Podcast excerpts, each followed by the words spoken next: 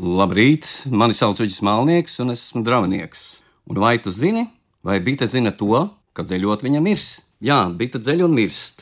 Kāpēc bitēm tāds liktenis? Jo bites taču savā ziņā ir tā kā radības kronis. Es pat teiktu, dievam vistuvākie kustoņi uz mūsu zemeslodes. Proti, ja bites pēkšņi pazustu, tad līdz ar to mūsu civilizācijai būtu parakstīts nāves spriedums. Jo jau pēc kādiem pieciem, septiņiem vai vairāk gadiem uz zemeslodes sāktos reāla katastrofa. Proti, bats, dzeramā ūdens trūkums nu, un citas šausmas.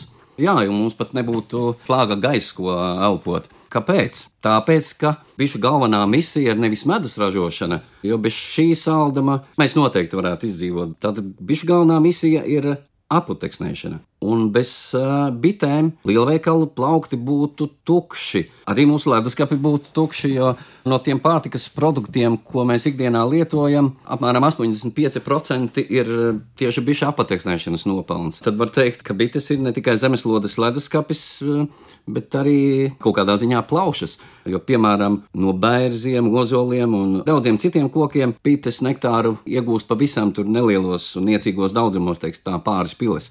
Toties ziedputekšņus gan. Un tā tad nav bišu, pazūd bērnu birsteles, ozola audzes, alejas un meži. Nu, un tad uz debesīs auga ozona caurumi. Tad lēnu garu viss sāk pārkarst, salt un smakt. Nu, gan planēta kopumā, gan mēs cilvēki, un arī, diemžēl, arī visas dzīvās radības.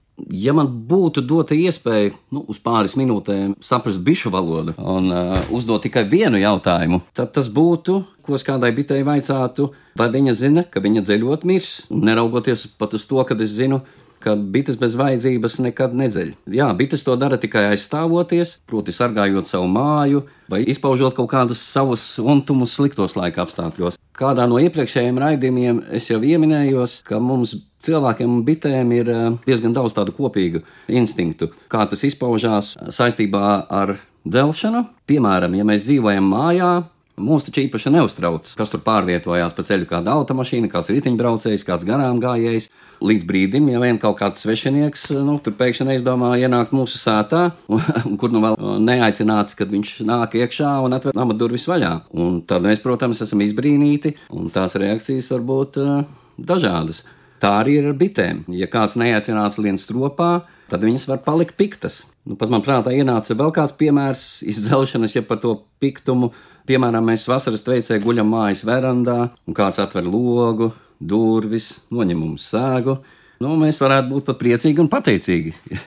Bet, piemēram, ja ir drēgna diena, nu, tad gan mūsu tās reakcijas uh, varētu būt gana dzēlīgas. Gan vārdos, gan darbos. Tāpat ir ar bitēm. Un nevēl ir tas teiciens, ka ar bitēm nekad neko nevar zināt. Un es teikšu tā, ka es joprojām nezinu, vai bite zina to, ka dzeļot mirs, ja man būs iespēja iemācīties bišu valodu, es to pavaicāšu.